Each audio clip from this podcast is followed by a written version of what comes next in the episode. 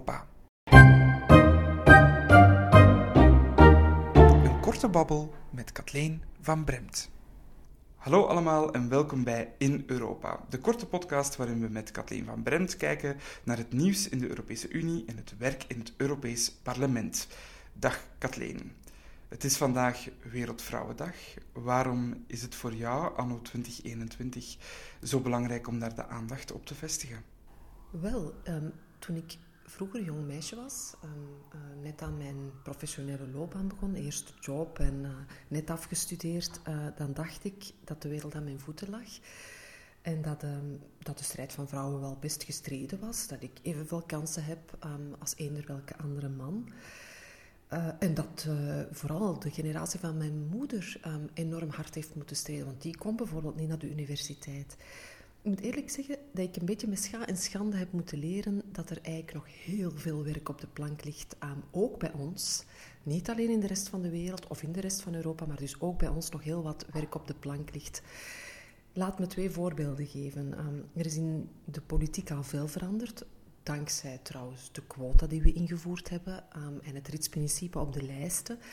Maar zelfs vandaag, in een zeer vrouwelijke regering, de Croo, zijn bijna alle vicepremiers en de premier nog steeds een man. Hè. Um, er is nog altijd zoiets als een glazen plafond. Maar misschien nog veel schrijnender is het feit dat mannen um, nog altijd meer verdienen dan vrouwen vandaag de dag op de arbeidsmarkt. Voor exact hetzelfde werk wel te verstaan. En dus we noemen dat de loonkloof.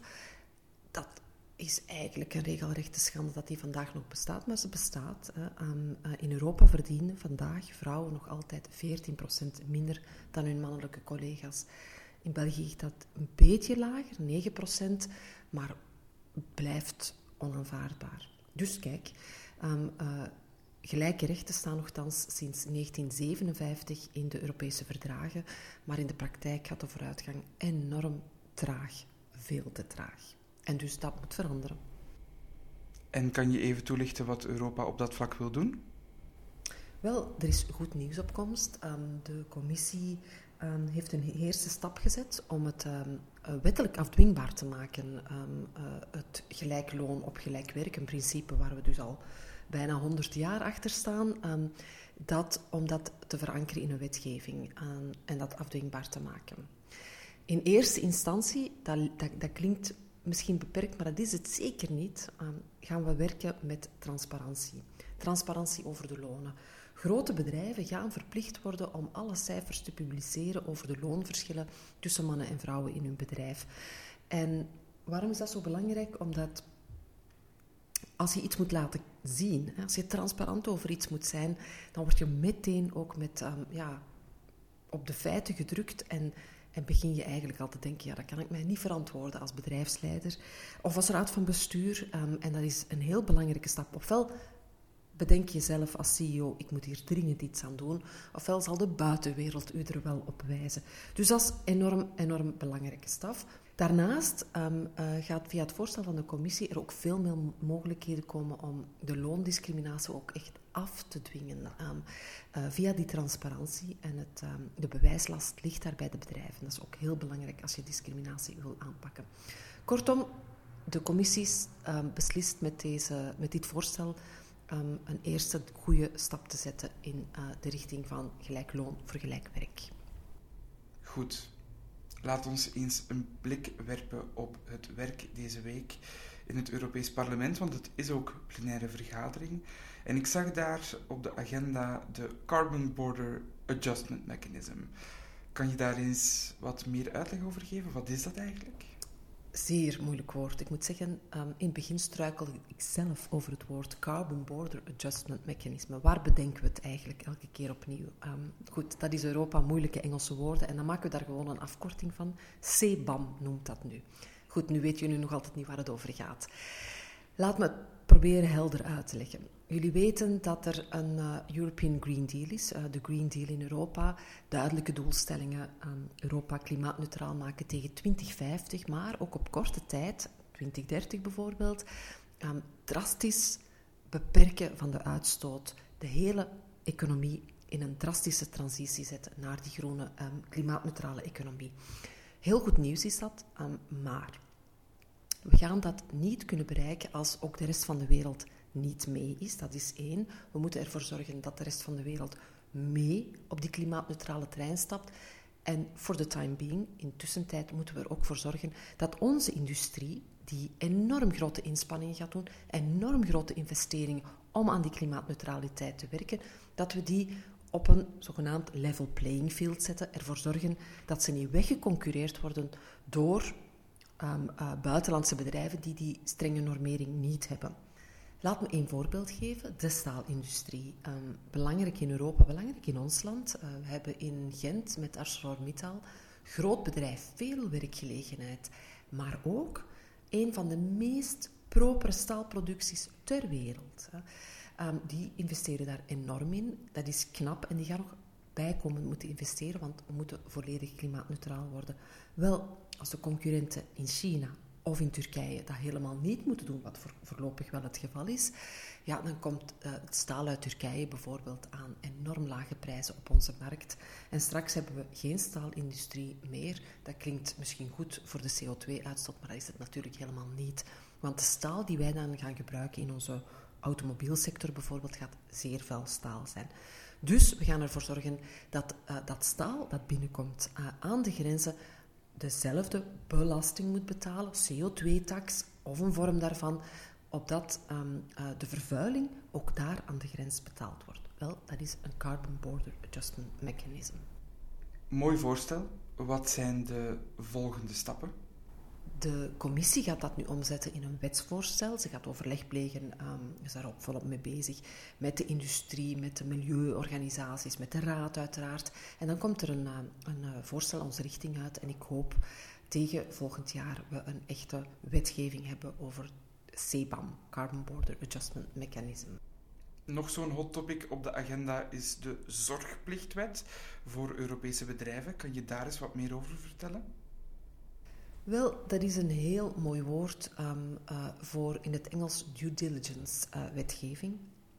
Opnieuw erg belangrijk. Opnieuw gaat het over um, de verantwoordelijkheid die we zelf hebben en de verantwoordelijkheid die we verwachten van de rest van de wereld. Deze keer gaat het over bedrijven en producten op onze, op onze markt. Um, denk aan de t-shirts die je koopt, al dan niet heel goedkoop. Uh, denk aan uh, de gsm's, uh, allerhande producten waar heel veel verschillend materiaal in zit. Hè. En we weten ondertussen, om terug te komen op het voorbeeld van de t-shirt, dat heel wat van het katoen in onze t-shirt vandaag de dag geproduceerd wordt in China, helaas ook met dwangarbeid. Dwangarbeid door um, Oeigoeren. Zeer schrijnend verhaal. En de vraag is, wat kunnen we eraan doen? Wel, één van de, van de um, instrumenten is de due diligence. Ervoor zorgen dat bedrijven die vandaag op onze markt producten verkopen, verantwoordelijk worden voor de hele keten uh, tot het product bij ons op de markt komt. Dus moet er gekeken worden waar komt dat katoen vandaan. Of in onze gsm's verschillende uh, producten die uit de uh, mijnbouw komen, basisproducten, die vaak um, door kinderhanden naar boven zijn gehaald, om, om via het bekijken van de hele value chain, de hele waardeketen en de verantwoordelijkheid bij bedrijven te leggen. Zoals ik zei, het gaat over wat onze bedrijven moeten doen, maar waar ook andere bedrijven buiten Europa moeten doen als ze producten op onze markt willen brengen. En via de transparantie gaan we ervoor zorgen dat die bedrijven uiteraard hun verantwoordelijkheid nemen. En als ze het zelf niet doen, gaat de publieke opinie wel mee een duwtje in de goede richting geven. Iets wat ongetwijfeld ook bij internationale handel aan bod komt? Absoluut. Um, uh, als we vandaag discussies hebben, bijvoorbeeld met China over het, uh, het investeringsakkoord, daar komen we later zeker nog heel uitgebreid op terug. Um, uh, dan hebben we dit instrument van due diligence ook nodig om er echt voor te zorgen dat China begrijpt en ook handelt naar de waarden die wij in Europa heel belangrijk vinden. We kunnen veel compromissen sluiten, maar we kunnen geen compromis sluiten over kinderarbeid of over dwangarbeid. Dat moet de wereld uit. Helemaal mee eens. We kunnen uiteraard ook niet om de vaccins heen. Jij maakt deel uit van de Europese Contact Group on Vaccines. Kan je eens toelichten wat dat uh, is? Wel, dat is een, um, een nieuwe vergadering of een uh, nieuwe overleggroep, is misschien een beter woord, uh, die recent is opgericht door de commissie De aanleiding mag duidelijk zijn. Ehm, we zitten sinds ehm, een, een, tweetal maanden toch in een hele zware discussie over de Europese vaccinstrategie.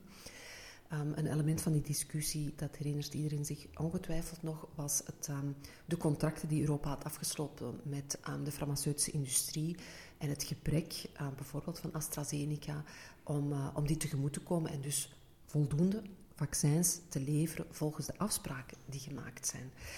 Um, ook Europa heeft daar wel wat steken laten vallen. Een daarvan is zeker ook transparantie. Ik geloof heel erg dat, um, uh, dat het Europese parlement haar controletaak maar kan opnemen als ze heel goed ingelicht is naar het parlement, maar ook naar de brede publieke opinie.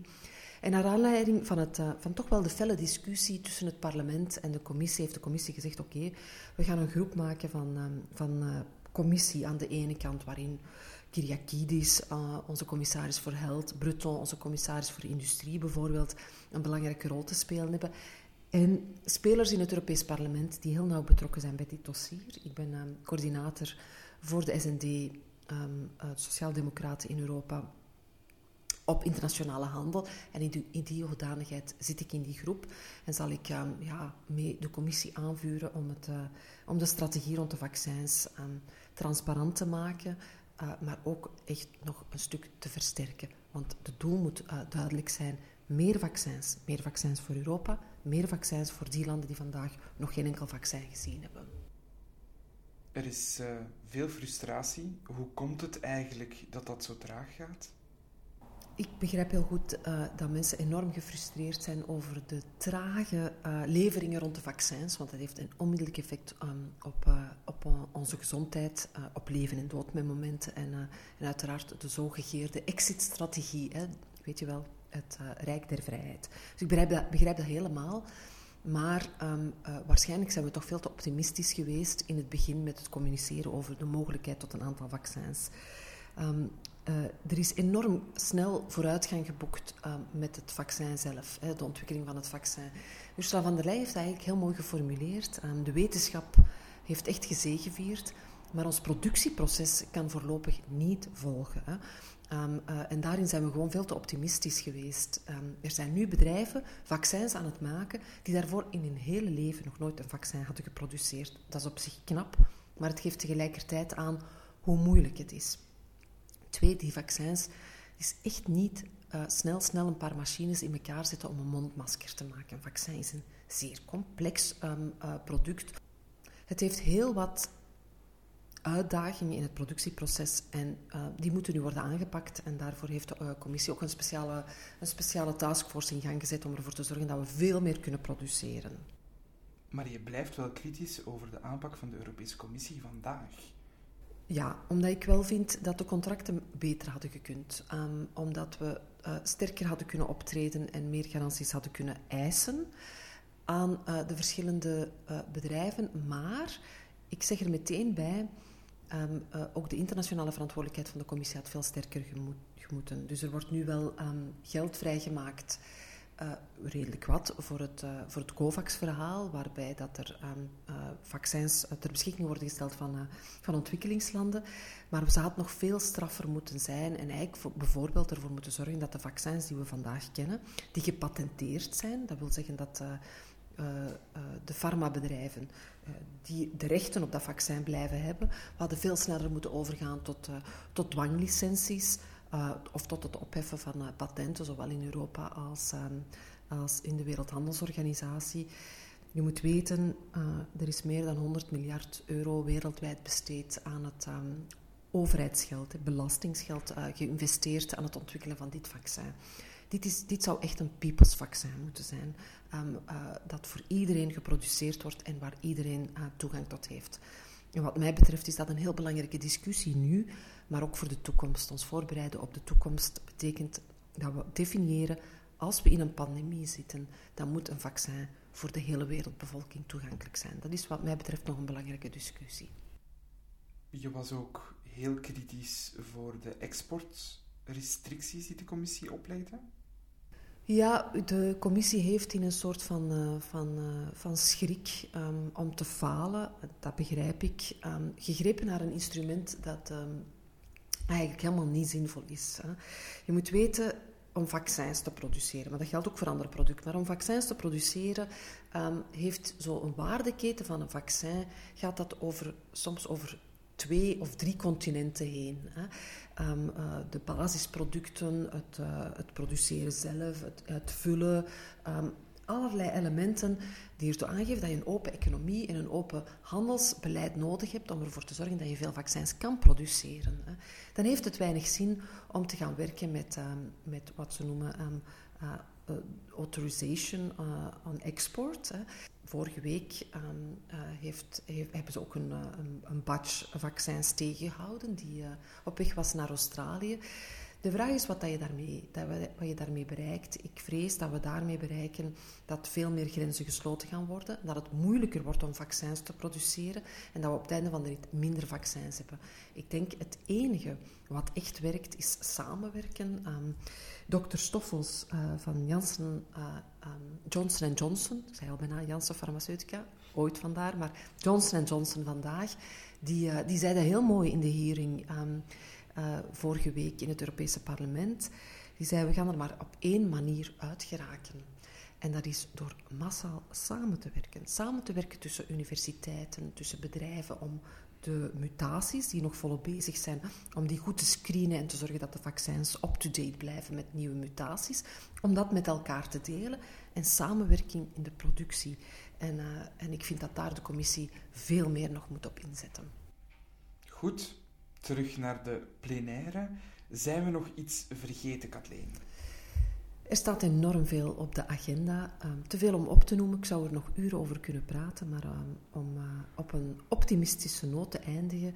We gaan deze week in het Europees Parlement Europa uitroepen tot LGBTI Freedom Zone. Een hele mond vol. Um, dat is uiteraard symbolisch, maar we geven daarbij wel een duidelijk signaal. In Europa heb je recht om je eigen seksualiteit te beleven. En dat is uiteraard een, uh, een reactie vanuit het Europese parlement op die LGBTI-free zones in Polen. Hè. Um, uh, en de aanhoudende druk vanuit uh, een aantal conservatieve regeringen om de rechten van holibies en transgenders zwaar onder druk te zetten.